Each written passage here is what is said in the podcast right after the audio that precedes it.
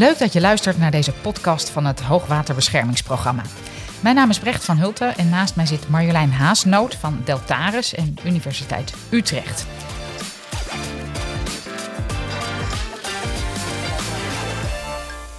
Eind februari publiceerde het IPCC een klimaatrapport en daar schreef Marjolein aan mee. Ja, geweldig, Marjolein. Um, een gigantisch rapport. Ook heel alarmerend. De kranten stonden er vol van. Uh, misschien wel het alarmerendste rapport van het IPCC tot nu toe. Wat is de meest urgente boodschap die erin stond?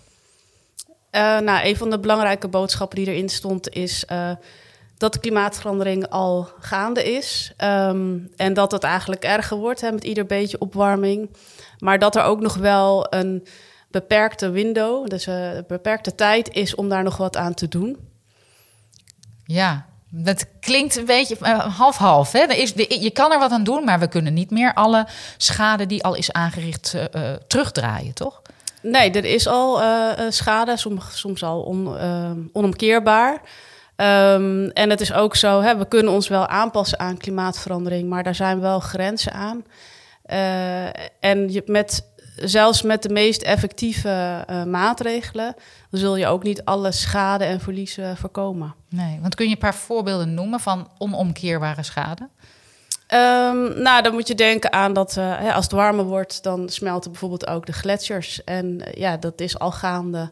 En ja, in de komende. We zitten nu op 1,1 wereldwijde opwarming. In Europa warmt wat sneller op. Uh, nou, die anderhalf graad, dat zit volgens de meeste scenario's in de komende tien jaar. Ja, dan, dan, dan gaan dat soort dingen al meer uh, gebeuren. Dat is dan een kwestie van tijd. De gletsjers, maar ook um, het verlies aan uh, leefgebied van verschillende soorten. Bijvoorbeeld van insecten, heel flink. Niet alleen in Zuid-Europa bijvoorbeeld, maar ook in onze regio. Ja, en niet alleen diersoorten natuurlijk. Mensen verliezen ook hun leefgebied op de eilanden, bij Tuvalu daar. Of... Ja, dat klopt. Dus, um, en dat heeft hem. Nou, het bijzondere is eigenlijk ook uh, juist met die eilanden bijvoorbeeld ook de zeespiegelstijging. En dat heeft ook te maken met uh, wat we noemen een zeespiegelerfenis. Dat bij iedere graad opwarming, dan zitten we eigenlijk ook vast aan een zeespiegelstijging van ongeveer 2,5 meter. Dus ja, we hebben al die 1,1 graden gehad. En we gaan richting anderhalf. Ja, en dan is het met name met laaggelegen gebieden, zoals die eilanden, maar ook uh, Nederland. Daar krijgen we te maken met, die, uh, met zeespiegelstijging op de lange termijn. En dat heeft, um, zeker ook in, uh, in Europa, ja, dat heeft nou, met name de eilanden, maar ook in Europa is, heeft dat, um, hebben wij geïdentificeerd dat het een uh, het bestaan van uh, die laaggelegen gebieden en ook uh, het cultureel erfgoed, denk aan Venetië bijvoorbeeld, dat dat echt het bestaansrecht bedreigt eigenlijk. Ja. ja, want dan hebben we het dus echt over meters stijgende zeespiegel. Ja. ja. Is dat ook de reden waarom het ook wel het, het zwartste rapport wordt genoemd? Of spelen er nog andere dingen mee? Nou, ik denk dat het. Nee, ik, nee, ik denk dit rapport gaat echt over de gevolgen. Hè? Dus dat, ja, als je dat leest, dan, dan, dan komt dat echt wel binnen. Hè? Dus het zijn echt meerdere risico's die hè, de hitte, droogte, overstromingen, um, opbrengstverlies voor de landbouw. Um, en wat je dan ook nog hebt, is dat sommige dingen samenkomen en het ene triggert weer iets anders. Dus daar zit gewoon heel veel uh, ja, erge gevolgen worden daarin beschreven. Um, maar het rapport gaat ook wel over oplossingen. En hè, wat kun je daar dan aan doen? Dus ja, ja gelukkig. ja. Want uh, nog even voor we naar die oplossingen gaan. Uh, want ja, jij hebt daar aan meegeschreven. Dus jij hebt dat ja, weken, maanden, weet ik niet hoe lang je ermee bezig bent geweest, jaren misschien, uh, onder ogen gehad. Heeft dat jou geraakt ook? Ja, dat heeft mij wel geraakt. Ik heb, um, ik denk niet zozeer als je ermee bezig bent, eigenlijk ja, de heel af en toe dan ging je het soort van weer nalezen wat je allemaal had opgeschreven. En dan, ja, dan moest ik het af en toe even wegleggen. Want dan dacht ik, ja, ja dan denk ik gewoon, uh, ja, mijn kinderen zitten in die wereld. En uh, ja, dat is gewoon echt grote gevolgen. En dan moest ik mezelf dwingen van, nou oké, nu ga ik weer naar die oplossingen. Want dan uh, krijg je ook weer hoop dat er ook veel mogelijk is. En dat, ja, dat is gewoon een, een, lastig verhaal, maar het is, het is nou eenmaal zo. En dat betekent eigenlijk als ik elke keer weer terugdraai van oké, en we hebben ook tijd. En zeker in Nederland hebben we ook heel veel mogelijkheden om er wat mee te doen. Uh, en we hebben ook, um, voelt voor mij in ieder geval, als je die kennis hebt, dan heb je ook verantwoordelijkheid om die kennis te delen en om ook daar wat uh, mee te doen. Nou, en ik, ik heb daar een rol in als wetenschapper. Uh, maar ik heb ook, ik heb um, van de week ook met, met, leden van de Tweede Kamer gesproken. En ook aangegeven, ja, nu weten jullie dit en met kennis komt verantwoordelijkheid. Dus we moeten ja. daar wat aan doen. Dus dan kan je, kan je er iets mee doen. Precies, actie ondernemen. Want wat staat Nederland te wachten eigenlijk? Nou, het rapport zegt niet iets specifiek over Nederland, maar wel dus over Europa. Um, en voor Europa hebben we vier belangrijke risico's geïdentificeerd. Um, bijvoorbeeld dus uh, één is de toename van de hittestress voor mens en natuur. Uh, toename van de op opbrengstverlies voor de landbouw. Toename van droogte. En overstromingen vanuit de kust en vanuit de rivieren. Ja, dat is niet mis. Um, en dat vertel jij dan in de Tweede Kamer. En, en dan kom je met die oplossingen, of niet? Uh, ja, dat, Wat? ja, dat klopt. Um, nou, de, en en het, het mooie is dat er ook heel veel mogelijkheden zijn voor aanpassen. En die zijn heel divers. Uh, en wij zijn daar in Nederland natuurlijk ook al heel goed in. En dan heb je het over waarschuwingssystemen, uh, maar ook over waterkeringen. Daar heb je het over uh, ruimte voor de rivier geven. Um, meer natuurlijke oplossingen, zeg maar, zoals soort vooroevers om de kust um, golfoploop te um, beperken. Groen in de stad. Dus daar zitten al heel veel dingen in die wij goed kennen. Het rapport geeft echter wel ook aan dat er grenzen zijn aan die maatregelen. En dat heeft ermee te maken dat nou, veel van die maatregelen die vragen eigenlijk water en ruimte. En dat is natuurlijk nou juist ook in een dichtbevolkt land als Nederland uh, een, be een, beperking. Lastig, ja. ja want uh, uh, komen we ook tot de conclusie dat we misschien niet meer kunnen blijven wonen waar wij allemaal willen wonen en bouwen in Nederland? Nou, ik denk dat... Um, nou, wat het rapport aangeeft is in ieder geval dat, dat dus op de langere termijn... en zeker ook bij hoge opwarming... Hè, dus als we niet in staat zijn om Parijsakkoord te halen... dan is er echt een hele grote adaptatieopgave... Uh, in sommige landen is dat nu al, maar voor ons, ik denk ja, met name ook uh, later deze eeuw en ook daarna. Um, en dat betekent eigenlijk dat je ook je maatregelen daarop moet instellen. En dat, dat is eigenlijk gewoon. En dan praat je over het nu. Nou, daar, ja, en dat betekent dat je daar nu al op moet uh, voorbereiden. Omdat je als je met zeg maar van die kleine aanpassingen aan onze huidige waterbeheerstrategie redden we het niet. We ja. moeten echt groter denken. En omdat die klimaatverandering steeds sneller gaat, moeten we eigenlijk ook steeds sneller. Ja, even. Als we, als we het hier over het waterbescher hoogwaterbeschermingsprogramma hebben, dan gaat dat primair natuurlijk over die dijken versterken. Maar beluister ik jou goed, is dat eigenlijk maar nou, een heel klein onderdeel en misschien ook helemaal niet meer de oplossing? Uh, nou, dijken is zeg maar, uh, ja, voor een land als Nederland is natuurlijk altijd wel een belangrijk onderdeel.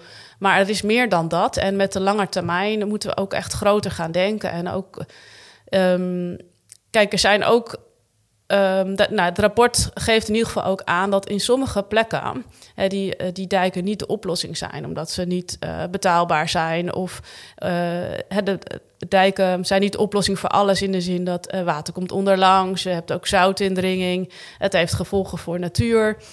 Um, ja, en dan kun je ook aan andere maatregelen nemen. En een ander belangrijk um, element aan dijken, maar ook dammen en uh, echt de, zeg maar de harde kering is dat het, we noemen dat een soort um, ja, padafhankelijkheid. Of hè, het heeft het risico dat je in een soort fuik of lock-in uh, komt, omdat als je eenmaal zo'n bescherming hebt, dan, gaan, dan trekt dat mensen aan en meer ontwikkelingen.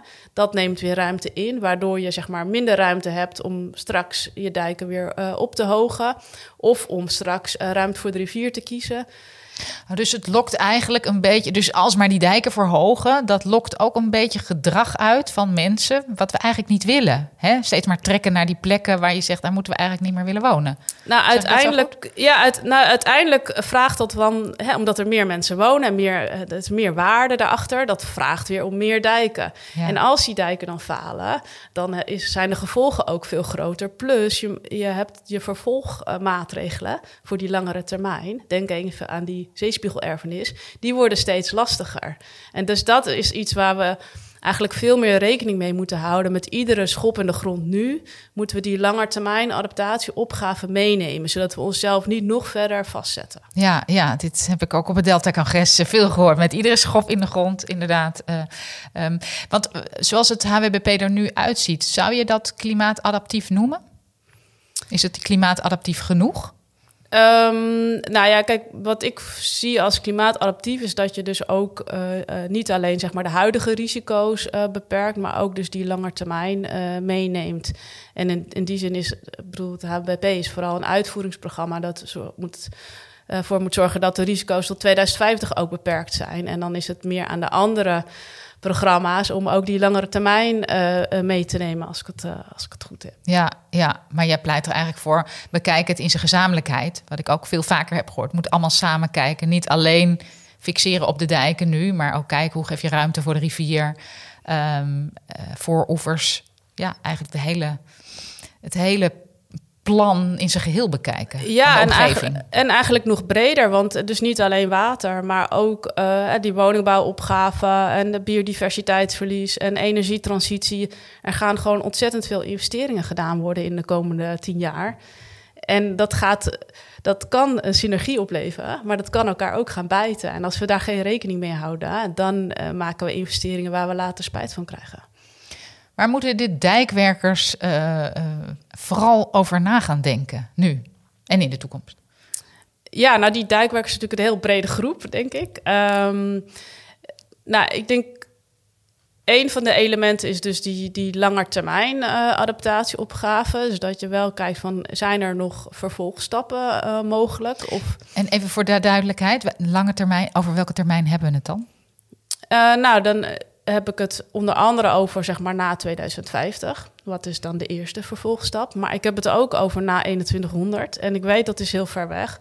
Maar als je kijkt naar uh, de, zeg maar infrastructuur, maar ook woningen, die, die, die zijn er voor zo'n lange tijd. Hè? Die gaan niet zomaar weg. Je, je vervangt ze misschien, of je, of je, hè, je pleegt onderhoud, maar die hebben wel een levensduur van 100 jaar.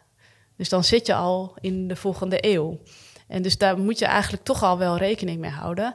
Plus um, de tijd om je aan te passen, um, die vergeten we vaak. En we zien eigenlijk nu al, um, dat geeft het IPCC-rapport ook al aan, dat, dat er een gat is tussen uh, de maatregelen die we nemen en wat er eigenlijk nodig is om risico's te beperken. En dat heeft de, in Europa heeft dat ermee te maken dat met name de uitvoering achterblijft. We hebben, er zijn veel Europese landen hebben wel een plan, maar de implementatie daarvan die, die loopt achter. Um, Mensen realiseren zich niet genoeg dat er echt, echt haast is. Ja, en, en die klimaatverandering gaat steeds sneller. Dus wij moeten ook steeds sneller. Uh, en, en de vraag is, gaat ons dat lukken? Hè? We hebben daar heel hoge ambities over. Van, uh, nou, dan gaan we dan daarna wel even uh, eh, 50 kilometer dijk per jaar doen. Terwijl we dan de afgelopen tijd 1, 10 kilometer per jaar hebben gedaan. Hè? Dus dat is dat, niet realistisch. Nou, dat weet ik niet. Daar ga ik niet over. Maar ik weet wel dat die opgave dus heel groot is. En, dit, en, en hier gaat het alleen nog maar over tot 2050. Terwijl die klimaatverandering daarna nog veel sneller gaat. Dus ja. hoe kunnen wij dat bij, uh, ja, bijwonen eigenlijk, zeg maar, met die... Als we kijken naar hoeveel dijklengte we eigenlijk hebben... en als je dat iedere keer wil, wil ophogen, houden we dat bij. Ja, Ge geef het antwoord is op die vraag. Houden we dat bij? En nou, gaan we genoeg tijd hebben? Nou, dat is denk ik iets om te onderzoeken. Van hoe kunnen we dat sneller? En kunnen we dat op zo'n manier doen... dat we ook die vervolgstappen makkelijker maken?